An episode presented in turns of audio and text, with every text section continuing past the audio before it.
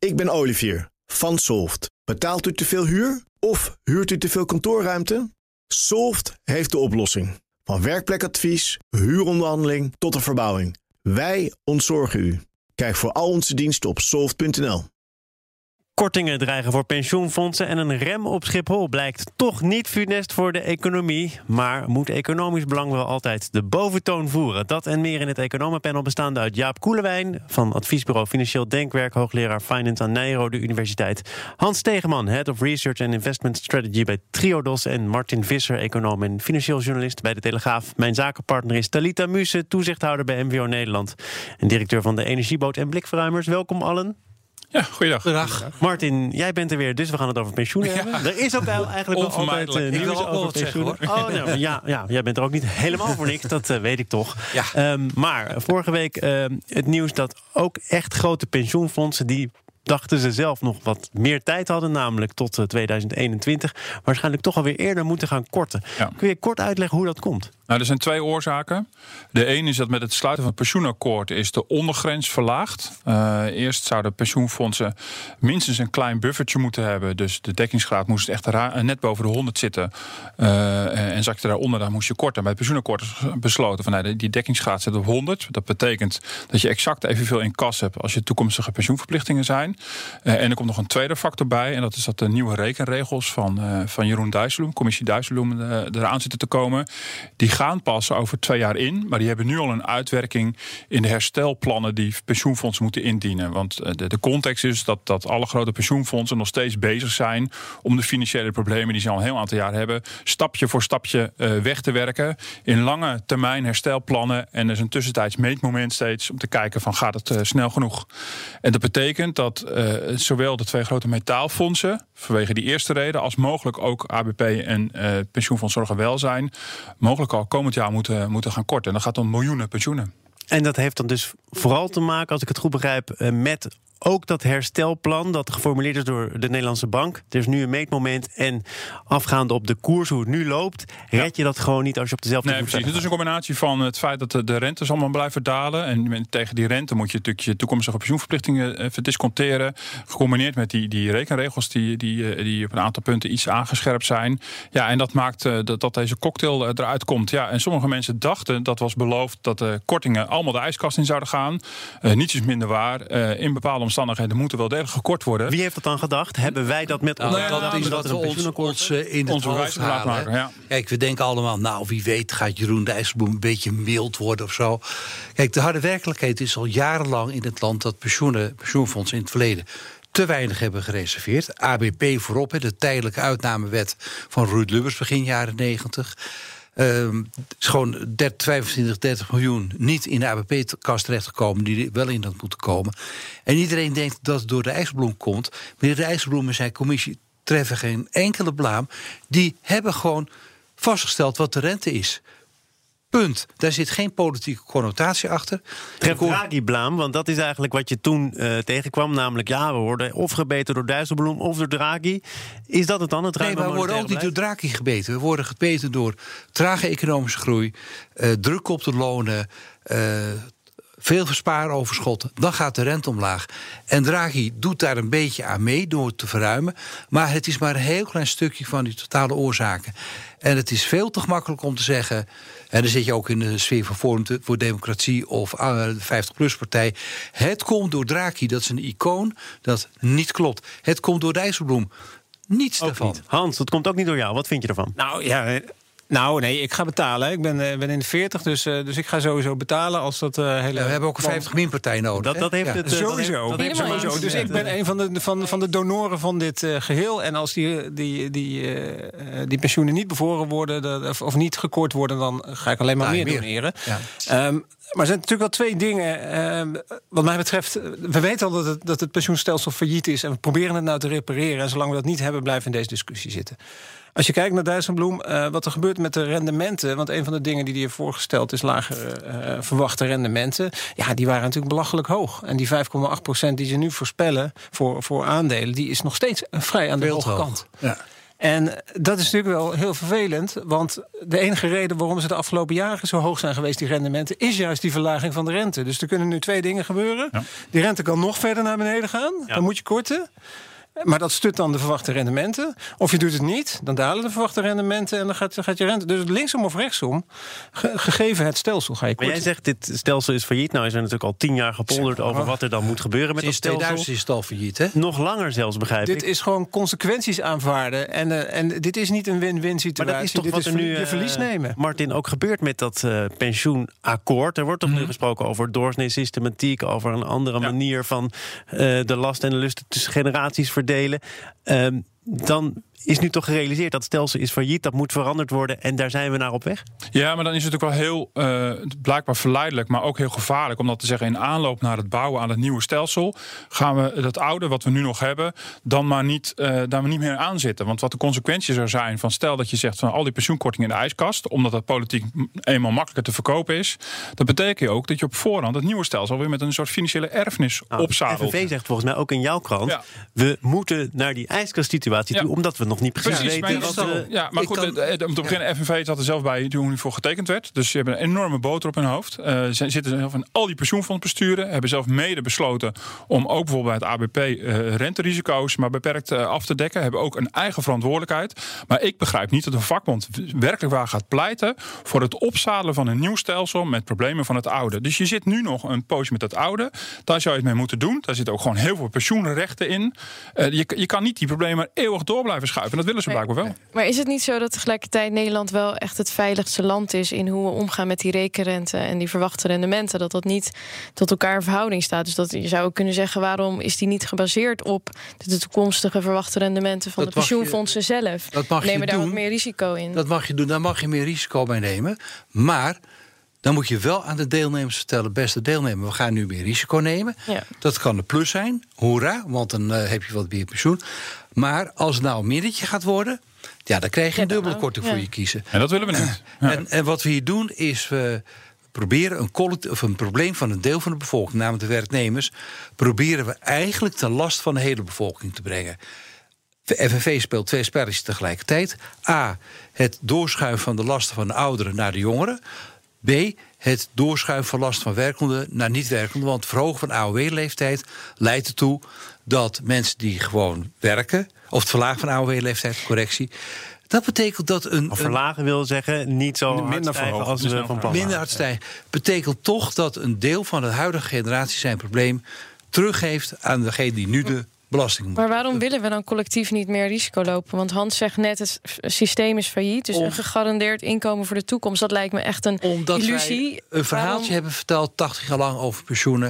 Het is altijd verteld, je krijgt 70% van je laatst verdiend salaris... welvaartsvast, ga dan maar lekker slapen. Maar ja, moet dat niet veranderen? Moet nou, dat verhaal niet compleet op de schop? De, de vergrijsde achterban van diezelfde bonden. Uh, ja. en, en, en dat is wat ze daar natuurlijk aan doen zijn. De de verwachtingen. He, die mensen zijn al boos en teleurgesteld omdat de afgelopen jaren niet is gebeurd wat ze verwacht hadden. De pensioenen zijn niet geïndexeerd. En, en, en een... Nou, verwacht, beloofd is toch? Nee, er is niks verwacht. beloofd. Er zijn, er zijn, er zijn aanspraken erkend van wij, wij zeggen: er is deze toezegging jou als dit en dit en dit. Ja, en als dit en dit gebeurde, waardoor het niet uh, doorging. Dus uh, daar zit natuurlijk wel bij de achterban van die bonnen natuurlijk een, een enorme teleurstelling, of bij 50 plus of waar dan ook, van wat mensen hadden verwacht.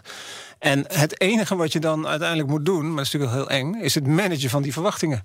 Ja. En uh, verder gaat het over niks. Maar Martin, de, de, echte zekerheden, garanties, die zijn er toch ook al uit in dat nieuwe systeem. Ik heb ja. critici horen zeggen: dit is een casino-pensioen. Je nee, moet maar kijken dus wat je deze krijgt. beweging wordt wel degelijk gemaakt, al, al is het een voorzichtige eerste stap. Want in het nieuwe stelsel is inderdaad de bedoeling: uh, dan, dan heb je niet meer een enorme buffer eisen. Dus je mag precies in kas hebben wat je voor je pensioenverplichtingen nodig hebt. En zit je eronder, dan moet je gaan korten. Zit je erboven, dan mag je de pensioenen aanpassen aan het prijspeil. Dus dat is al een stap in die richting. Overigens wordt hij niet volledig genomen. Daar zou je nog veel verder in kunnen gaan. Want ook in het nieuwe stelsel worden gewoon dezelfde strenge rekenregels gehanteerd. Want de, basis van het nieuwe stelsel is ook nog steeds dat je een pensioenaanspraak hebt. Alleen de, de, voorbehouden, de, uh, de voorbehouden worden nadrukkelijk genoemd. Maar ook daar viel me op dat bij de, bij de ver, verdediging de, daarvan door de FNV ook werd gesteld. Bij, destijds bij de presentatie bij de. Uh, dat de kans, kans op kortingen was afgenomen. Nou, maar dat is natuurlijk falikant onjuist. Het is altijd Eh, al in, zo in geweest. Het, in het nieuwe stelsel neemt de kans op korting alleen maar toe. En juist dat zou je mensen moeten duidelijk maken. Van mensen, we gaan meer risico nemen. Het kan een keer omhoog, het kan een keer omlaag. Ja, en dan kan je natuurlijk gaan praten over andere rekenregels. Maar de FNV wil eigenlijk het beste van twee werelden. Eh, met als, als uitkomst het slechte volgens mij.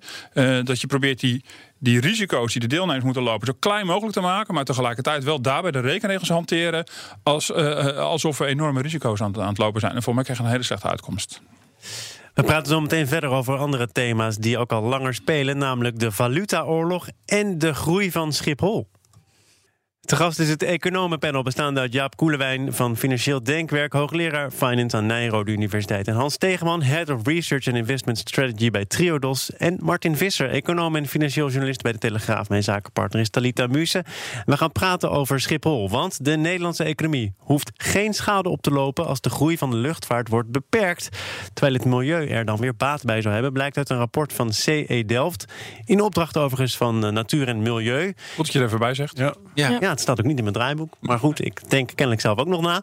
Ehm Hans. Fijn, Thomas. verbaasd eh, over die conclusie? Of is het in die zin ook goed dat ik de opdrachtgever even noem? Het, het is zeker goed dat je de opdrachtgever noem- noemt. Alleen maar voor de transparantie. Eh verbaasd over de conclusie? Nee.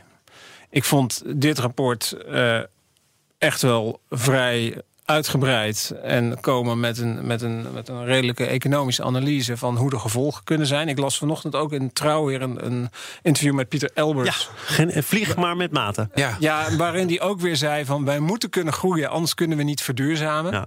En volgens mij eh, heeft de een niks Want met verduurzaming kost geld, zegt hij. En daar ja, heb je eh, verduurzaming van kost inderdaad geld. En daar is niks mis mee dat het geld kost. Maar dat heeft niks te maken met wel of niet groeien. Het heeft wel te maken met prioriteiten stellen en winst maken.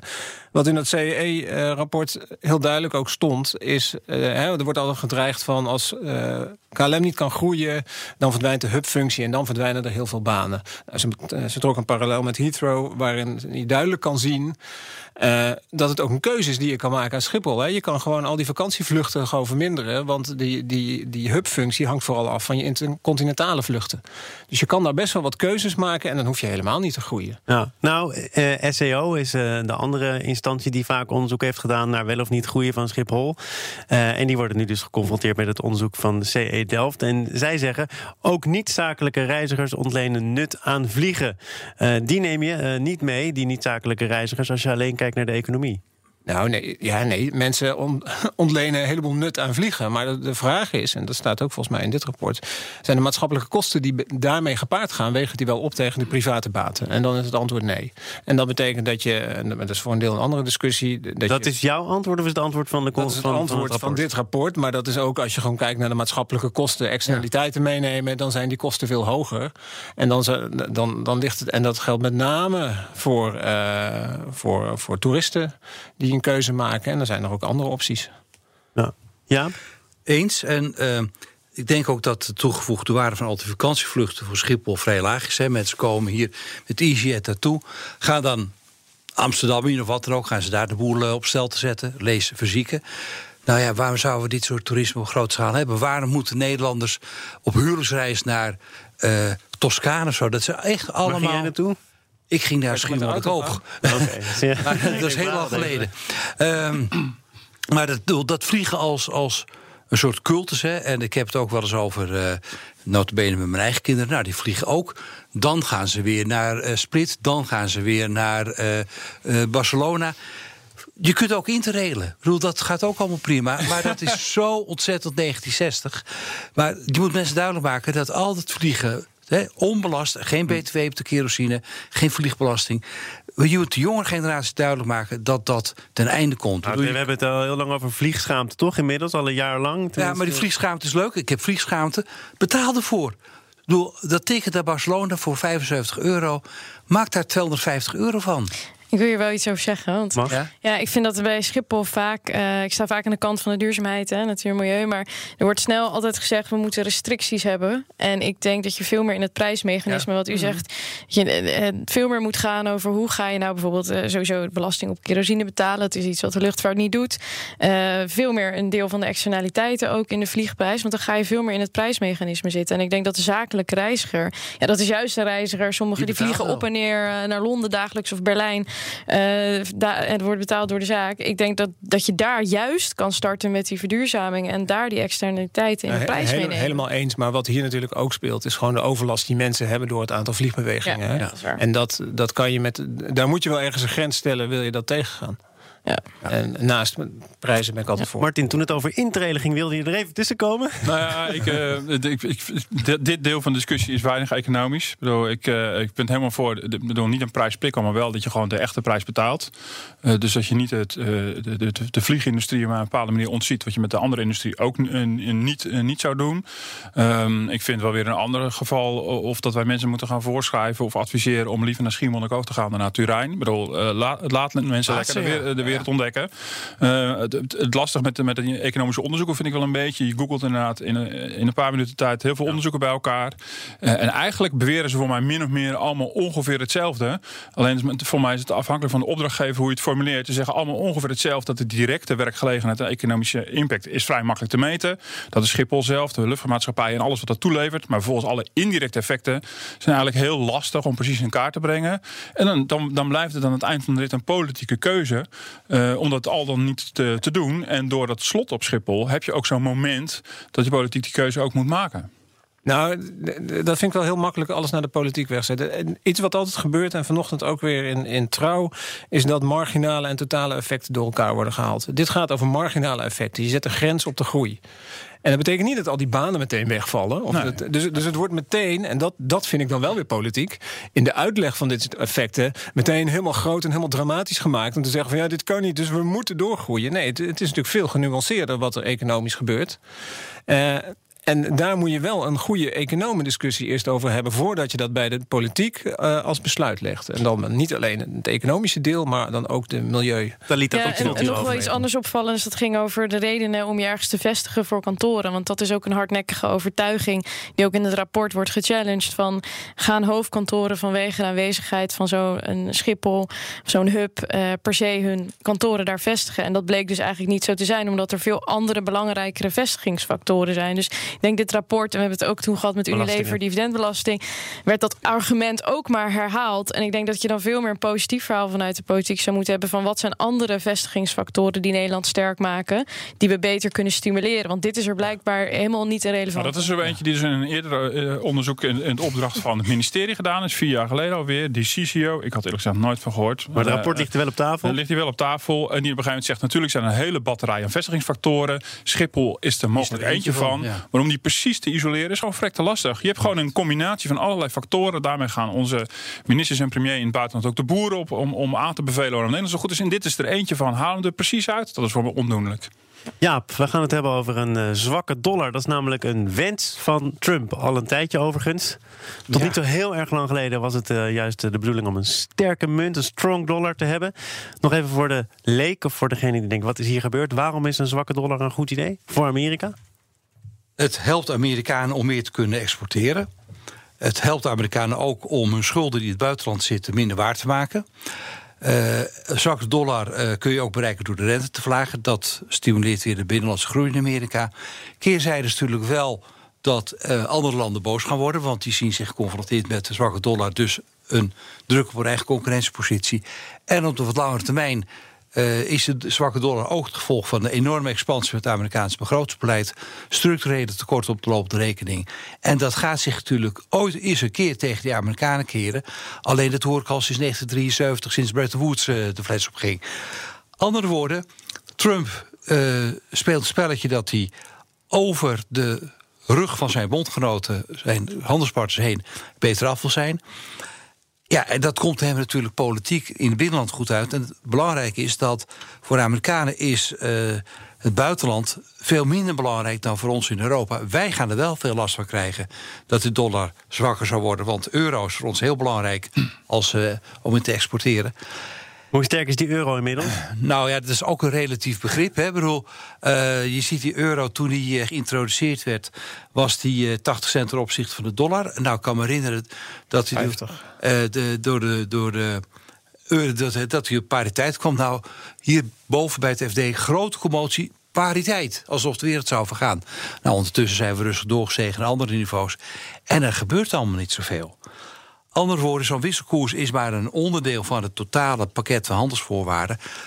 Het gemak voor de Amerikanen natuurlijk om die dollar wat te laten verzwakken zonder dat ze straf krijgen, is dat de hele wereld die dollar nog steeds accepteert. Ja, het is gewoon onze reserve. We moeten, wel, even naar de startpositie ook kijken. Hè. Ik bedoel, eh, de, de euro is natuurlijk eh, flink zwakker geworden ten opzichte van de dollar. Met, uh, met het moment dat Mario Draghi die geldkraan openzette. Dat had de Fed ook al in een veel, veel eerder ja. stadium gedaan. Het was een, een bedoeling die bijna expliciet ook werd gemaakt van de ECB. Ik bedoel, officieel doen ze het voor de inflatie. Maar in de praktijk deden ze het voor een belangrijk deel ook, ook voor de euro.